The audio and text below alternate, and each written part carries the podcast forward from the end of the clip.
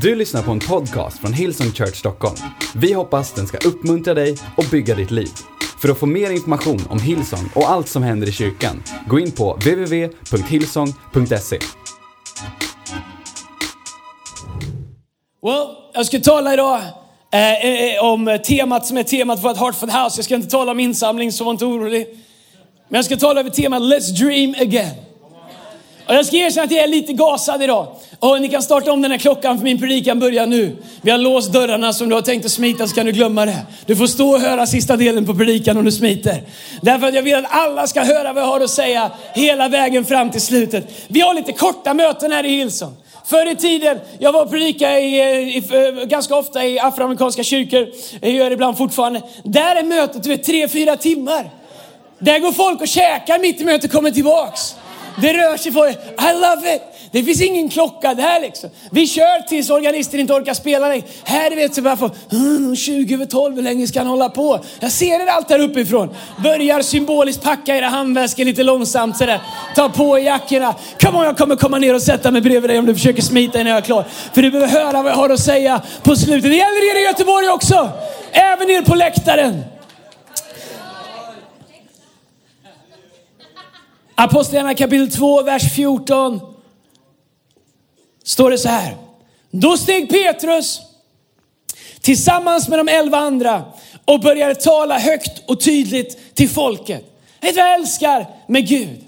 När Gud har gjort någonting, då kan vi tala högt och tydligt. Innan vi startar vår kyrka, nu håller jag på att balla ur den här jag ska bara säga det här, sen ska jag tillbaka. Men när vi startar vår kyrka, vi fick ofta kritik för att ni kan inte be folk lyfta händerna. Var inte så på. Var lite mer kontemplerande. Det är vi också ibland. Var lite mer det. Var lite mer. Var inte så på. Men det är någonting. Det här, här har Guds ande kommit över lärjungarna. De har fått den kraft som Jesus sa. Ni ska få kraft i Apostlagärningarna 1.8. När den heliga ande kommer över er. Till att bli mina vittnen. Jag vet inte vem Gud är för dig, men kanske för mig så kan du, men jag bad en gång, det kan ha varit Gud eller det kan ha varit mina, B, mina B, eh, D-vitaminer. Jag vet inte riktigt vad det var. Men du vet, det är någonting när Gud kommer över oss och när, vad som händer i oss med det här med evangelium, med det här vad Gud har gjort. Därför att det står att då steg Petrus fram tillsammans med de elva andra och började tala högt och tydligt till folket. Min bön är att våran kyrka skulle vara en röst som talar högt och tydligt fullt av hopp, fullt av liv, fullt av kärlek, fullt av upprättelse, men högt och tydligt. Därför att det finns andra röster som minsann inte ber om ursäkt för att de talar högt och tydligt. Som talar om andra saker än om villkorslös kärlek, som talar andra saker än uppmuntran, som talar andra saker än om förlåtelse, än om evigt liv, än om frälsning, om, än om nåd, än en ny start. De talar högt och tydligt, men vi som kyrka, oh, vi vill inte riktigt ta... Kristen? Högt och tydligt, come on somebody. Vi, vi har blivit lite för tysta i vår kyrka. Ja, ibland tänker jag, du vet så här, vi får inte bli lite så här frikyrkopräktiga. Ja, det var bra predikan idag. Vad roligt. Frid. Come on somebody. Vi är en kyrka som är födda till att vara en kyrka som lever evangelium högt och tydligt. Och om du säger, men vi är svenska, vi är lite annorlunda. Du förstår, det finns ingenstans, det står på första dagen skapade Gud skapelsen. Och sen höll han på, sen höll han på. Precis innan vila skapade några andra. Han visste inte riktigt vad det var. De var tysta och lugna, inåtvända och komplanterade. Adam sa, vi kallar dem svenskar. Det finns inte i Bibeln. Han skapar bara en sorts varelser. Avbild till sig själv. Och när Jesus klev in bland gravar så uppstod människor därför att det var sån kraft i hans namn. Det är det vi är födda ur. Så om du ibland känner dig lite svensk och känner att du har knappt hela vägen upp. Come on! Han tog av sig sin kavaj. Nej, nej, det kan du också göra. Sparka av sig båda skorna. Sen spottade han ut Det kan du också behöva göra kanske. Som i sjöarna får jag lov, hon var vacker. Okej, okay. ni fattar vad jag menar. Rak i ryggen som en ful... Måste få ut den så. Så känn dig fri och ta upp din tam inte tamburin, där går gränsen, men känn dig fri. Och inte var så förtvivlat svensk. Utan någon gång låt det här högt och tydligt bara få ta fäste i dig. Det finns en sån breaking point i ditt liv. När intimidation bryts. Och då menar jag inte att du måste bli extrovert. Om vi är introverta så ta det lugnt med alla kreativa.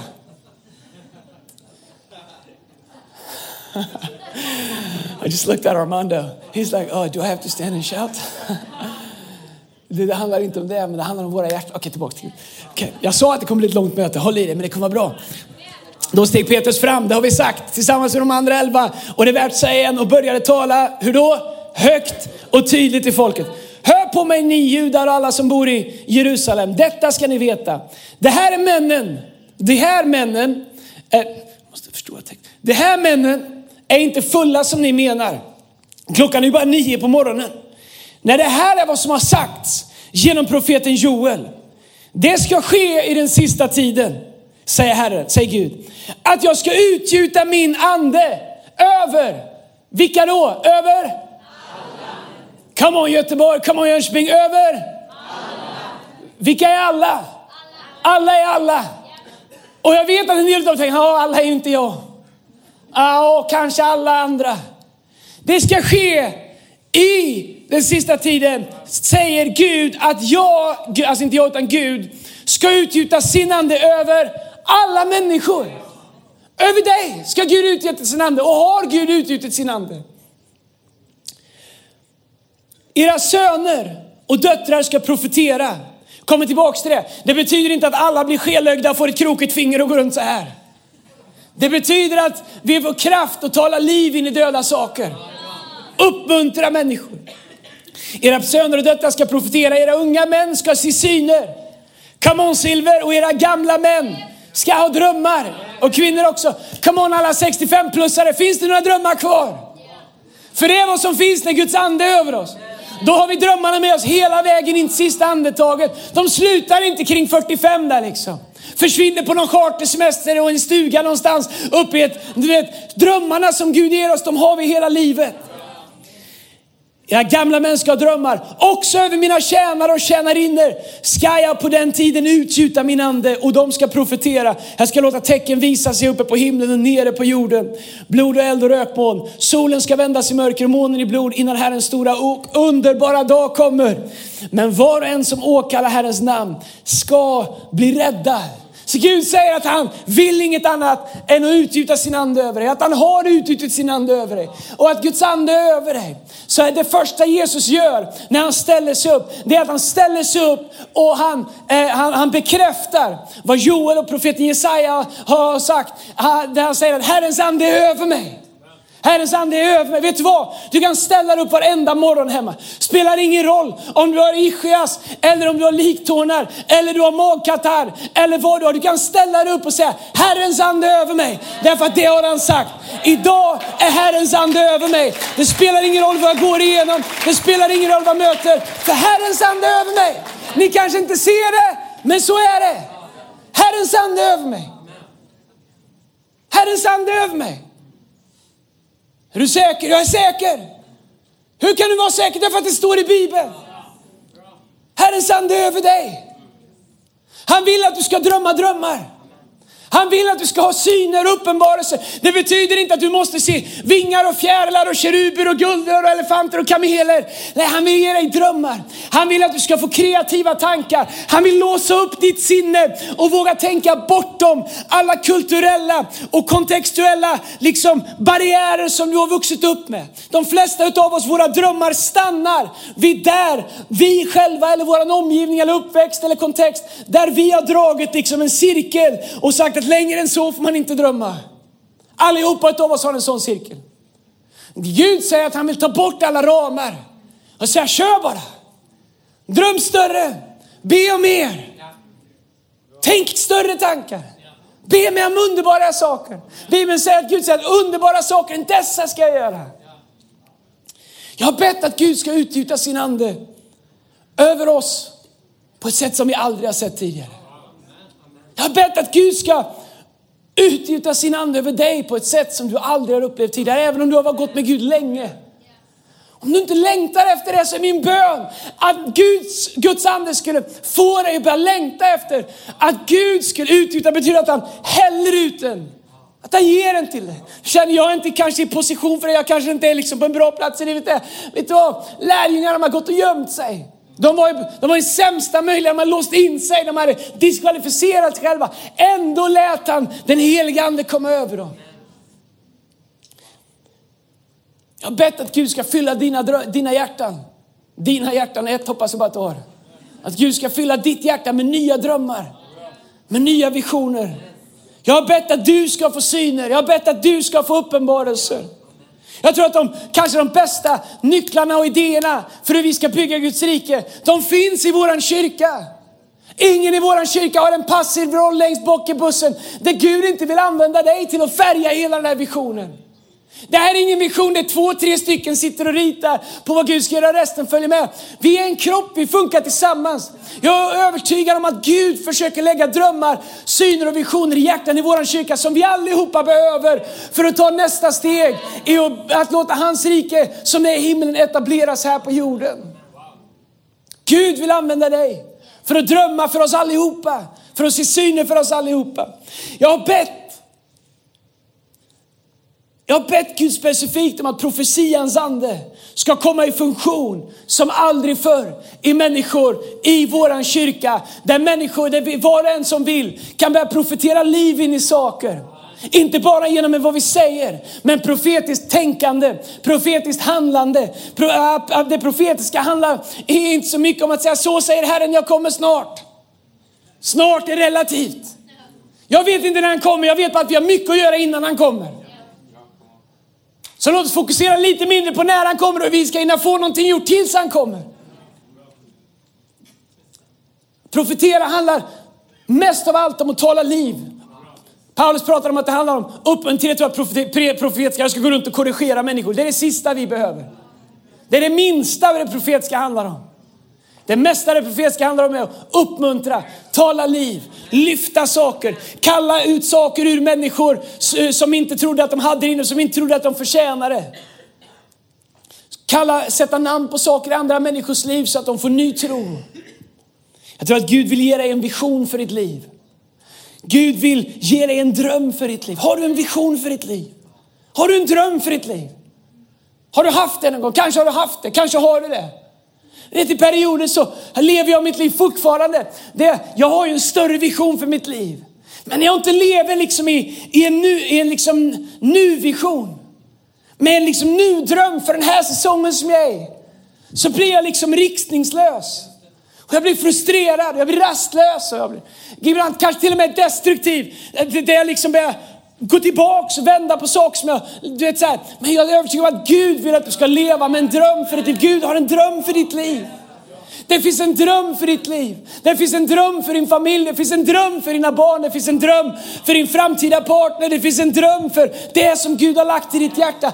Gud vill att du ska ha en dröm, en vision för ditt liv. Inte bara leva riktningslöst och kesera, sera, whatever will be, will be. Ja, vi får se vad som händer. Herre Gud vill att du ska leva med mål och med mening, med purpose, med destiny och med riktning i ditt liv. Och Gud vill att det ska vara det som gör oss annorlunda. Att vi är på väg någonstans i livet.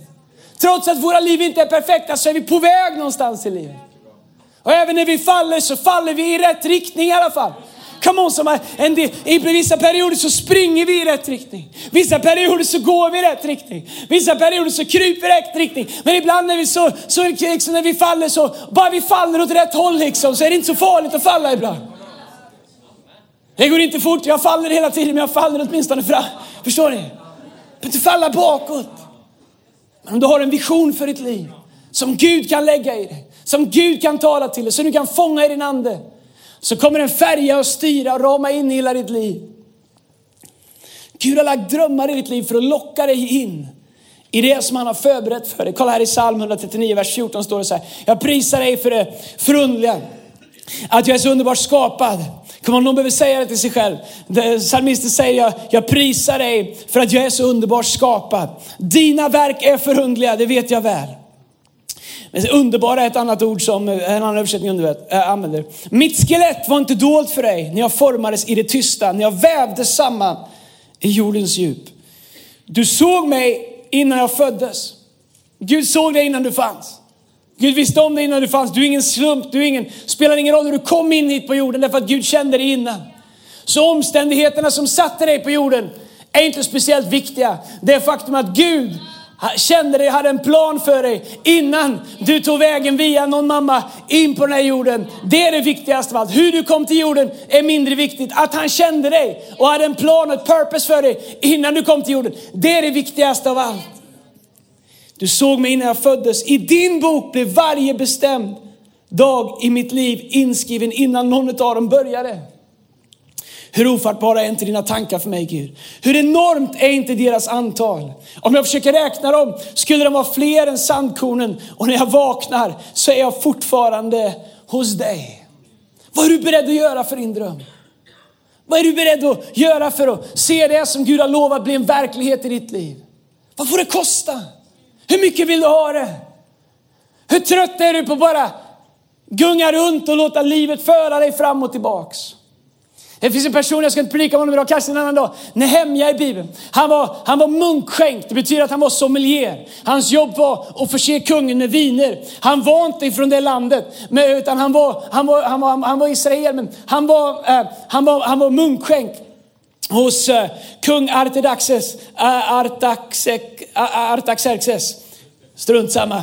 Han var, han var, han var munk, han var sommelier, vad han var. Han gav honom fina viner och han såg till att han kunde dricka bra, kungen på den tiden. Och ett av hans jobb var att smaka alla viner innan kungen drack det ifall de skulle vara förgiftade. Så han var redo att ta en för laget varje dag. Det var hans jobb, så han var där och tjänade. Men en dag så säger kungen, varför ser du så nedstämd ut? Och Nehemja börjar berätta hur han ser att Jerusalem ligger i ruiner. Därför att murarna har rasat så att det är fritt fram för alla fiender som vill och skövla och gå in och förstöra.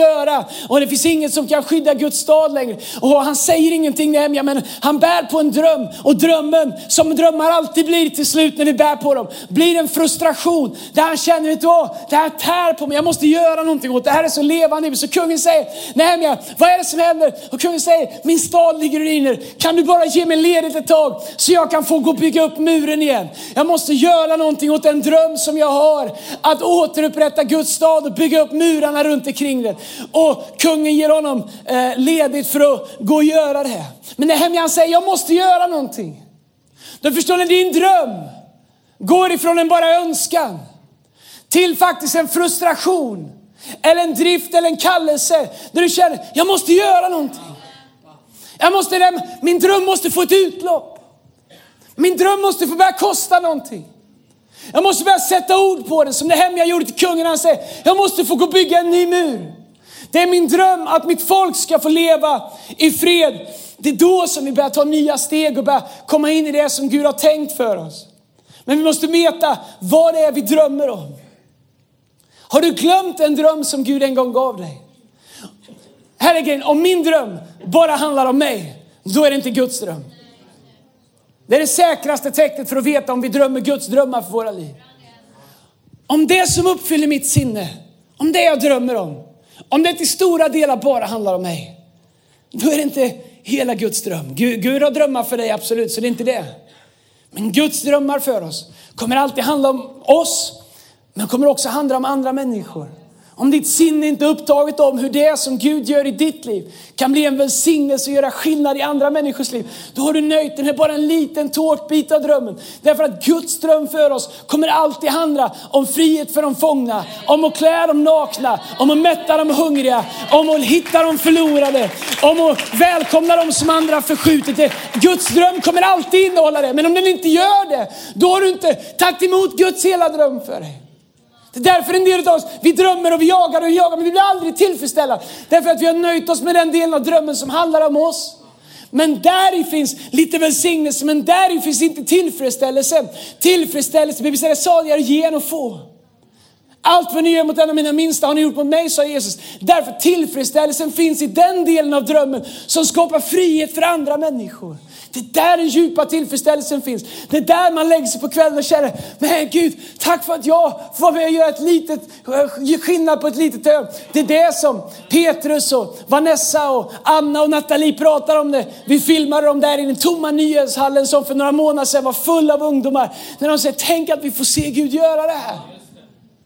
Att drömmen som en gång var i, i, i Kids med, i en liten toalettkorridor på Nalen där vi startade vårt mellanstadiearbete. I en toakorridor. En del av oss tycker det är bökigt att vi inte hittar parkering längre. Skyll på Peter Strand, han som håller på att bygga där bredvid. Nej, han är grym. Men nu förstår vi, börjar i en liten toalettkorridor. Men drömmen handlar inte bara om att det skulle bli enklare att packa upp. Drömmen handlade om att andra ungar skulle få tag i det, andra mellanstadiebarn. Det är därför som vi kan fylla ett helt golv i en sporthall nu med unga människor. Mellanstad det som en gång var en toalettkorridor fyller nu en hel sporthall. Därför att det finns människor som drömde, inte bara en dröm om sig själva, men en dröm som handlar om andra människor. Finns det andra människor i din dröm? Finns det andra människor i dina böner? Hur mycket av dina tankar procentuellt handlar om hur Gud kan använda dig för andra människor? Men ett av de bästa, vill du ha, jag är ingen terapeut eller psykolog eller sådär, men låt mig ge dig ett hjälp till självhjälp. Ibland är det de enklaste sätten att få lite mer balans i livet, att må lite bättre, att, att, att, bli lite mer upplyft. Det är att faktiskt börja göra exakt för andra människor det du längtar efter själv. Principen sådd och skörd funkar på livets alla olika områden. Ibland så behöver vi bara, fast vi har behov som är riktiga behov, så behöver vi ibland bara lyfta oss ur våra egna behov. Och även om det inte ens finns logik i det, börja göra saker för andra människor. Alla ni som är med i team här på söndagar. Tro aldrig att du bara kommer och delar ut saker. Eller att du kommer och dammsuger. Eller att du kommer och gör något oviktigt. Söndag ut och söndag in. Och, och du tänker, vad är ens det här? Och, och det är ibland oorganiserat och vi kunde ha tänkt igenom det bättre, absolut. Men vet du vad? Det du gör, det är att du är en del av drömmen som handlar om mer än oss. Drömmen om nya människor. Drömmen om upprättade liv. Drömmen om ständigt växande kyrkor kyrka där nya människor hittar Jesus. Det är vad du gör.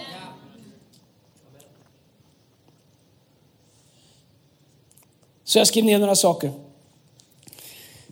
Märker ni att, jag har mer och mer punkter? Det, handlar, det beror på att jag blir mer och mer glömsk. Eller att jag har mer och mer i huvudet så att det blir trängre och trängre. Tre saker om hur vi kan leva i Guds dröm. Nummer ett, påminn dig om vad Gud har sagt. När det finns en bibelord, första Korinthierbrevet 1, vers eh, 26. Jag predikade om det för några veckor sedan, några månader sedan, jag vet inte, jag tror det var ett tag sedan. Där det står så här, Paulus säger, Now remember what you were, my friends, when God called you. Det är från en översättning som heter Good News Translation. Det är ett bra namn på en översättning, eller hur? Good News Translation. Paulus säger, Now remember what you were, my friends. When God called you. Vet du, ibland så är det nyttigt att bara pausa. Medan vi strävar efter allt som vi inte är. Ibland är det nyttigt att pausa. Medan vi tycker att alla andra människor inte är vad de borde för oss. När vi tycker att saker inte funkar och vi har böner som inte blir besvarade. Och vi ser allting som är operfekt runt omkring oss. Ibland är det värt att bara pausa och titta tillbaks och minnas Paulus ord när han säger, kom ihåg mina vänner, vart du var när Gud kallade dig. Jag säger inte att det är perfekt nu, men jag lovar att det är bättre än vad det brukade vara i mitt liv. Ibland behöver man bara pausa och komma ihåg vart Gud har tagit oss ifrån. Egyptens folk, de glömde snabbt hur de hade haft, förlåt Israels folk, de glömde snabbt hur de hade haft Egypten. Första utmaningen, lite vatten sa de, åh, önskar att vi vore tillbaks i Egypten. Där hade vi åtminstone bröd. Bröd! Det finns väl inte så gott bröd så att det är värt att bli piskad för det. Dö medan du bär bruk och stenar och bygger pyramider. Men vi glömmer snabbt var vi kom ifrån. Vi glömmer snabbt vad det var Gud tog oss ifrån. Men ett av de bästa sätten att återuppväcka sin dröm, att påminna sig om sin dröm, det är att påminna sig om var du kommer ifrån. Åh Gud, jag står i tro för den här bönen och det verkar som en så stor bön jag har inte fått svar på den än. Vet du vad, man, vet vad som ska vara värt att tänka ibland? Tack gode Gud att jag får be så här stora böner nu. Även om du inte har svarat på den än. Fokusera mer på det. Jag kommer ihåg när mina böner var att jag skulle ha mjölk i kylen. När mina böner var att jag skulle ha ett jobb imorgon. Come on, när du säger Gud, åh Gud jag ber att du ska ge mig vishet i det här avtalet eller vishet i det här. Gud varför, varför får jag ingen lösning på det? Det kan vara värt att komma ihåg när du bad om att överhuvudtaget få ett jobb. Inte det att Gud inte vill leda dig och svara på det. Men ibland så lever vi så realtid så vi glömmer vad Gud har gjort.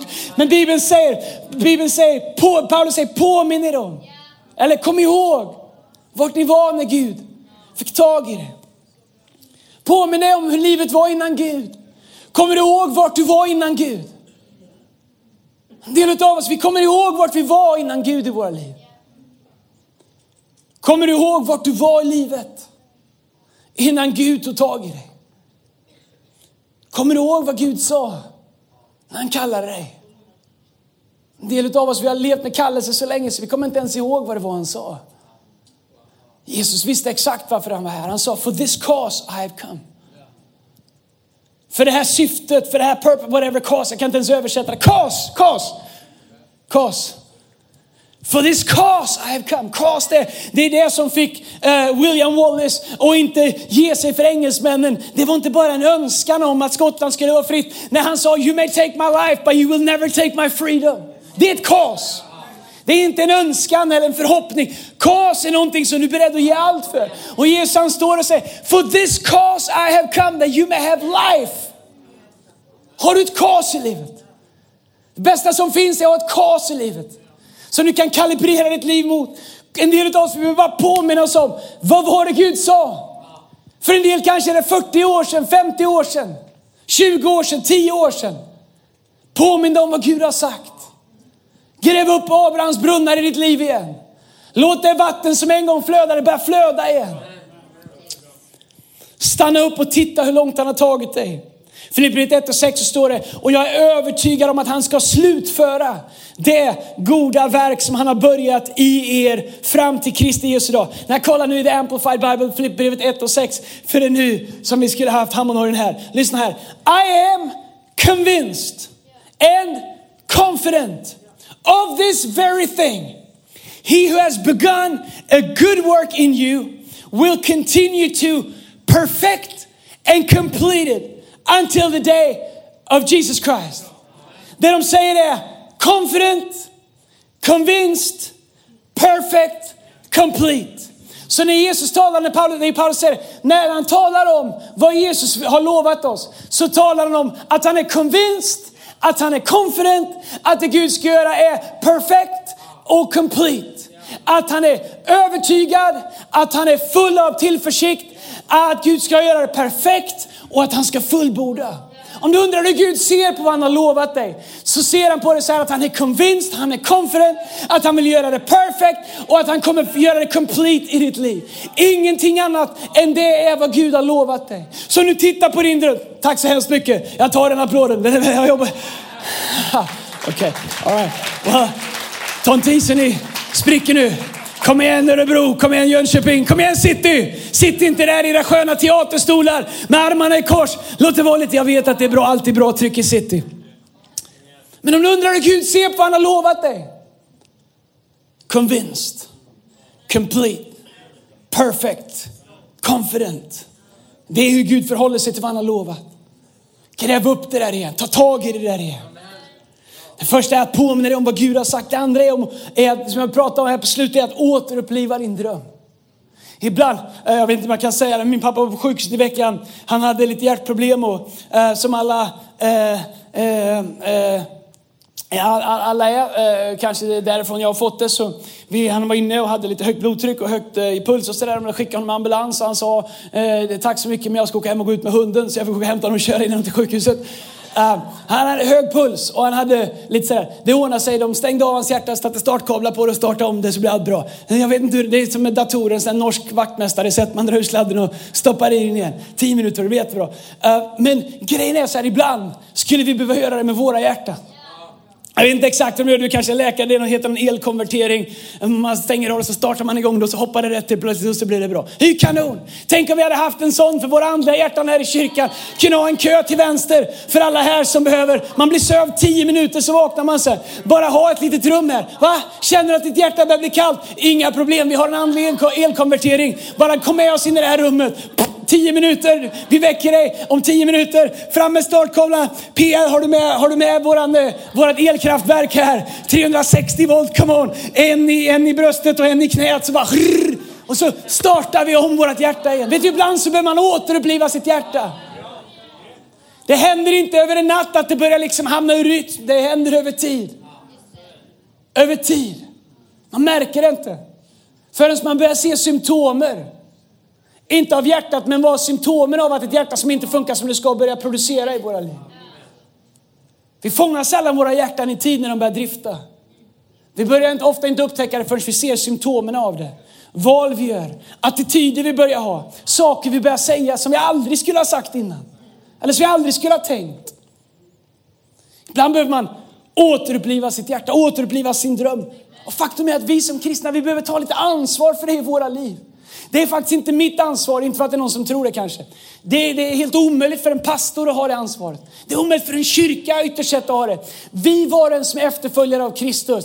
Vi kan faktiskt i kraft av den Helige ande som bor i oss ta ett eget ägandeskap över att se till att våra hjärtan, Bibeln säger framför allt som att bevaras, bevara ditt hjärta för därifrån utgår livet. Så Paulus, när Timoteus kommer till honom och han tycker att det är tjat, det är klart, du är 16 år och du ska leda en kyrka. Och de vill sjunga de sångerna och de tycker att det är så. Den tycker att det är för mycket engelska och den tycker att det är för högt och den tycker att det är för lågt och den, whatever allt. Han är 16 år, 17 år och ska vara föreståndare. Det är klart att han tycker att det är tufft ibland. Nej, det tycker aldrig jag, men det tyckte han. Okej? Okay? Så han går till Paulus och säger, Paulus ska det vara så här? Jag känner mig trött och modig, jag vet inte vad jag ska göra. Man kan tänka sig att Paulus skulle säga, nej men det är lugnt, vi skickar dig på en ledarskapsutbildning här. Du ska få lära dig 20 hjälp till självhjälptankar idag där och lite tekniker. Ska vi göra en analys om du är röd, och grön, och gul och svart eller vilket hörn du hamnar i här. Och så ska vi göra en 360 analys och se hur du kan bli bättre på att kommunicera våra kärnvärderingar. Så blir nog allt bra, alla nöjda, alla glada. Men det är inte det Paulus gör. Paulus svarar dem så här, först Timoteus kapitel vers 6 när Timoteus börjar tappa, tappa hoppet lite grann. Han säger, therefore I remind you to stir up the gift of God. Vad är han för själavårdare egentligen? Så Paulus han säger till Timoteus, hej, det enda du behöver göra Timoteus det är stir up, rör upp det som Gud har gett dig. Det Gud har gett dig räcker för den kallelse du har fått. Du har det som krävs på insidan, stir it up. Och så går han vidare och säger så här, uh, uh I remind you, stir up the gift of God which is in you through the laying on of my hands. For God has not given you a spirit of fear, but of power, love and a sound mind. Ett sinne som är, som är vettigt. vet, det är som, eh, mm, de gillar sushi i vår familj. Jag tycker också sushi är okej. Okay. Jag gillar inte den här soppan. Fattar inte vad grejen Soppan är ju bara för att folk ska stanna kvar och köpa. Soppan är, jag, jag tar aldrig soppa, misosoppa. Det är ju spa, det är ju ingenting. Har man åt det får man sån här vitt där i, sånt där som Mackan äter. Sån här, jag vet inte ens vad det är, det är någon ost eller någonting. Det går inte att äta. Det är det värsta jag vet. Folk sitter... Ge mig laxen! Come on, ge mig räkorna! Ge mig, ge mig mat! Sitta med soppan! Man blir bara arg när man får soppan. Jag vet inte varför man får den här soppan ens. Folk sitter, du vet såhär, du vet, om du vill äta köttsoppa, du vill inte sitta och äta och spara, du vill ha köttbitarna. Åh, vi åt rådjur igår som Herren har försett oss med. Och, och eh, nej, vad gott det är. Eh, du vet så här, för jordisk förvaltning. Come on somebody. Mm, mustigt, peppar, härligt, organiskt. Eh, åt morötter och och allt.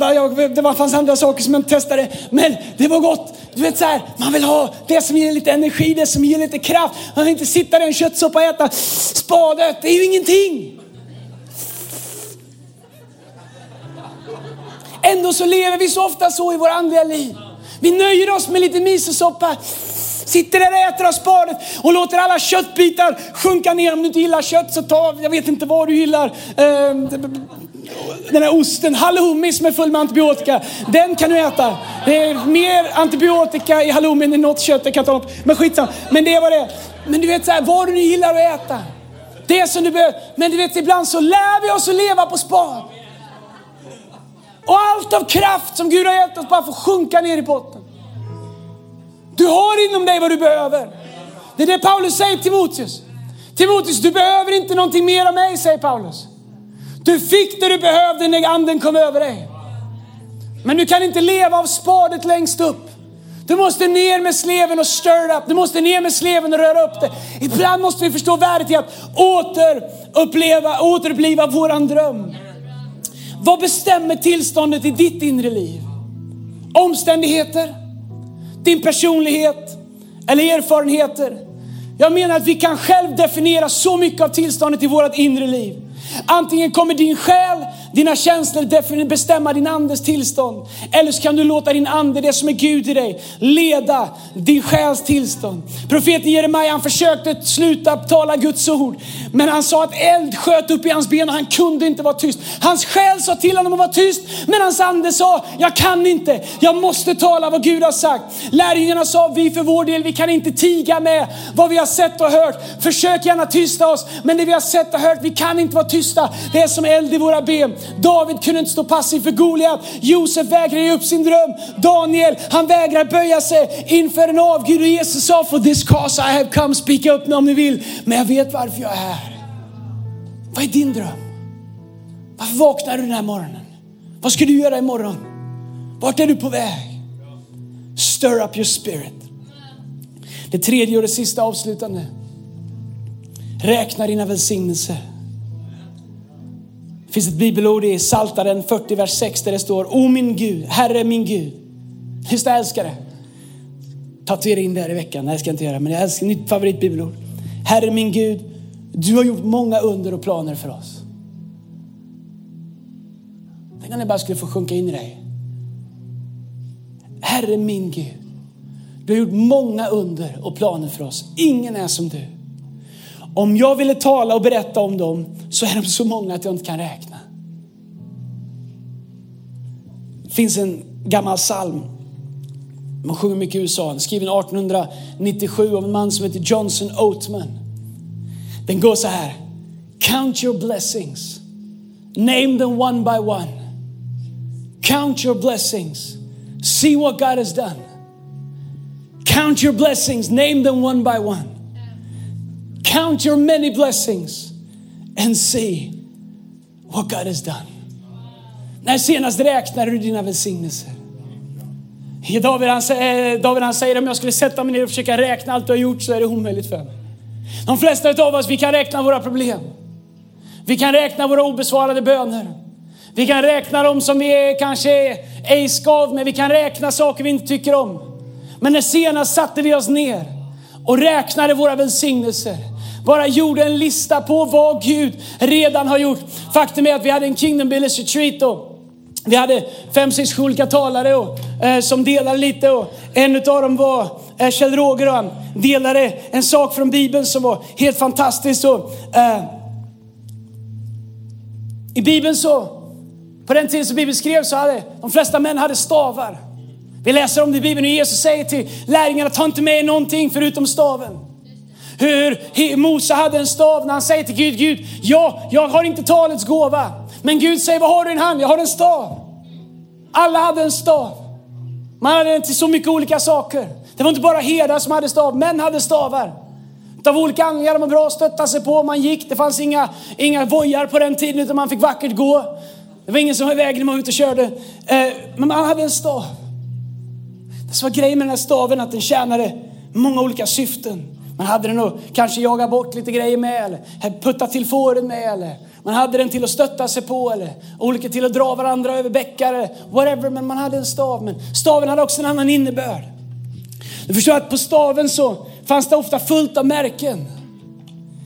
Till exempel när, när man fick sin första son eller dotter så gjorde man ett märke.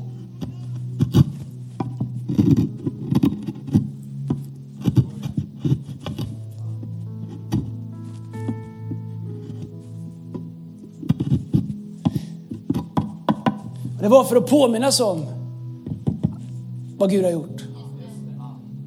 När Gud räddade dig ur en trång situation så gjorde man ett märke. För att påminnas om vad Gud har gjort. Stora saker som hände i livet.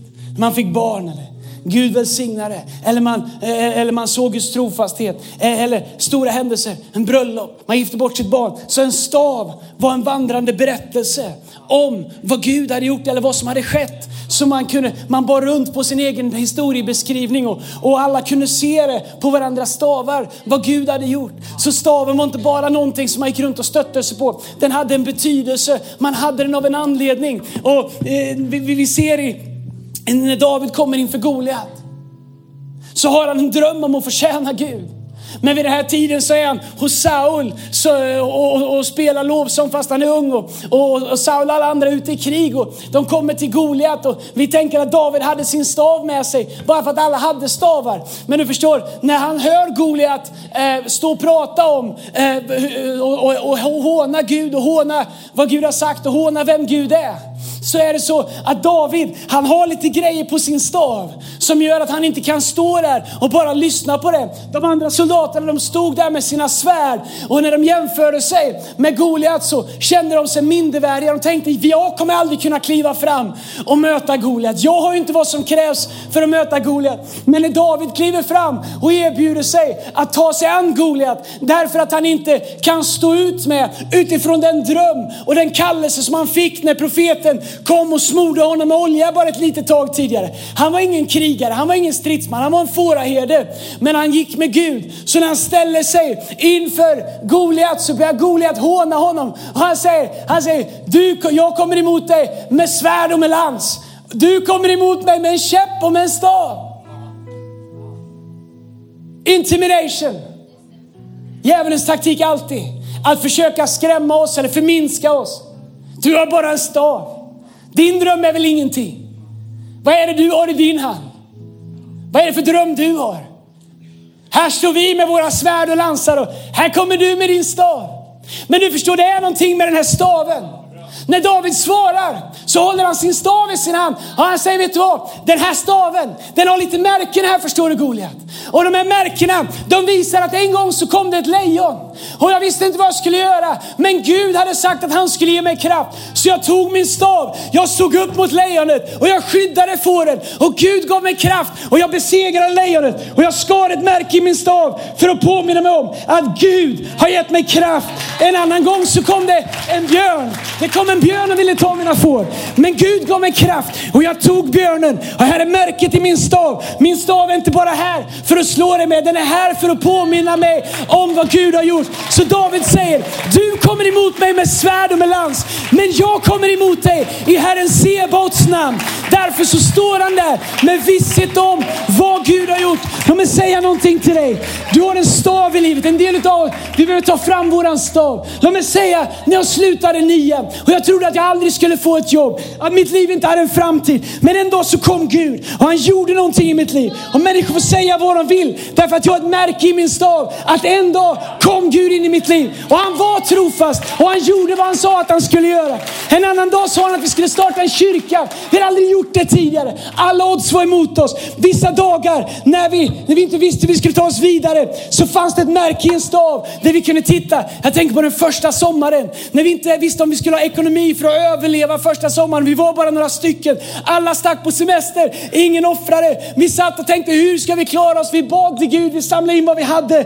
Men Gud tog oss därigenom. Vi började inte med att samla in the heart for the house som vi hör nu. Vi började med att försöka skrapa ihop några tusen kronor för att överleva sommaren. När vi fick Angelina och vi, hennes hjärta var trasigt och vi inte visste om hon hade down syndrom. Och Gud sa, I'll pick up the pieces, I'll put the heart together again som Jeremia säger. Du förstår, jag har ett märke på min stav när vi trodde att det inte skulle funka. Men Gud var Gud även när det fruktansvärda hände. Jag vet när vi inte haft en lokal, när vi trodde att vi inte skulle få någon lokal. Men Gud var trofast även i det. När vi inte hade ett ungdomsarbete, när vi inte hade några ungdomar. Nu har vi hundratals ungdomar och jag kan gå vidare och vidare och vidare. Vad har du för märken på din stav? En del av er ni har ställt undan eran stav och ni säger Gud vart är den nu? Men du förstår, om du tar upp din stav om du börjar titta på count your blessings, name them one by one. Count your blessings and see what God has done. Det han har gjort vittnar om vad han kommer göra.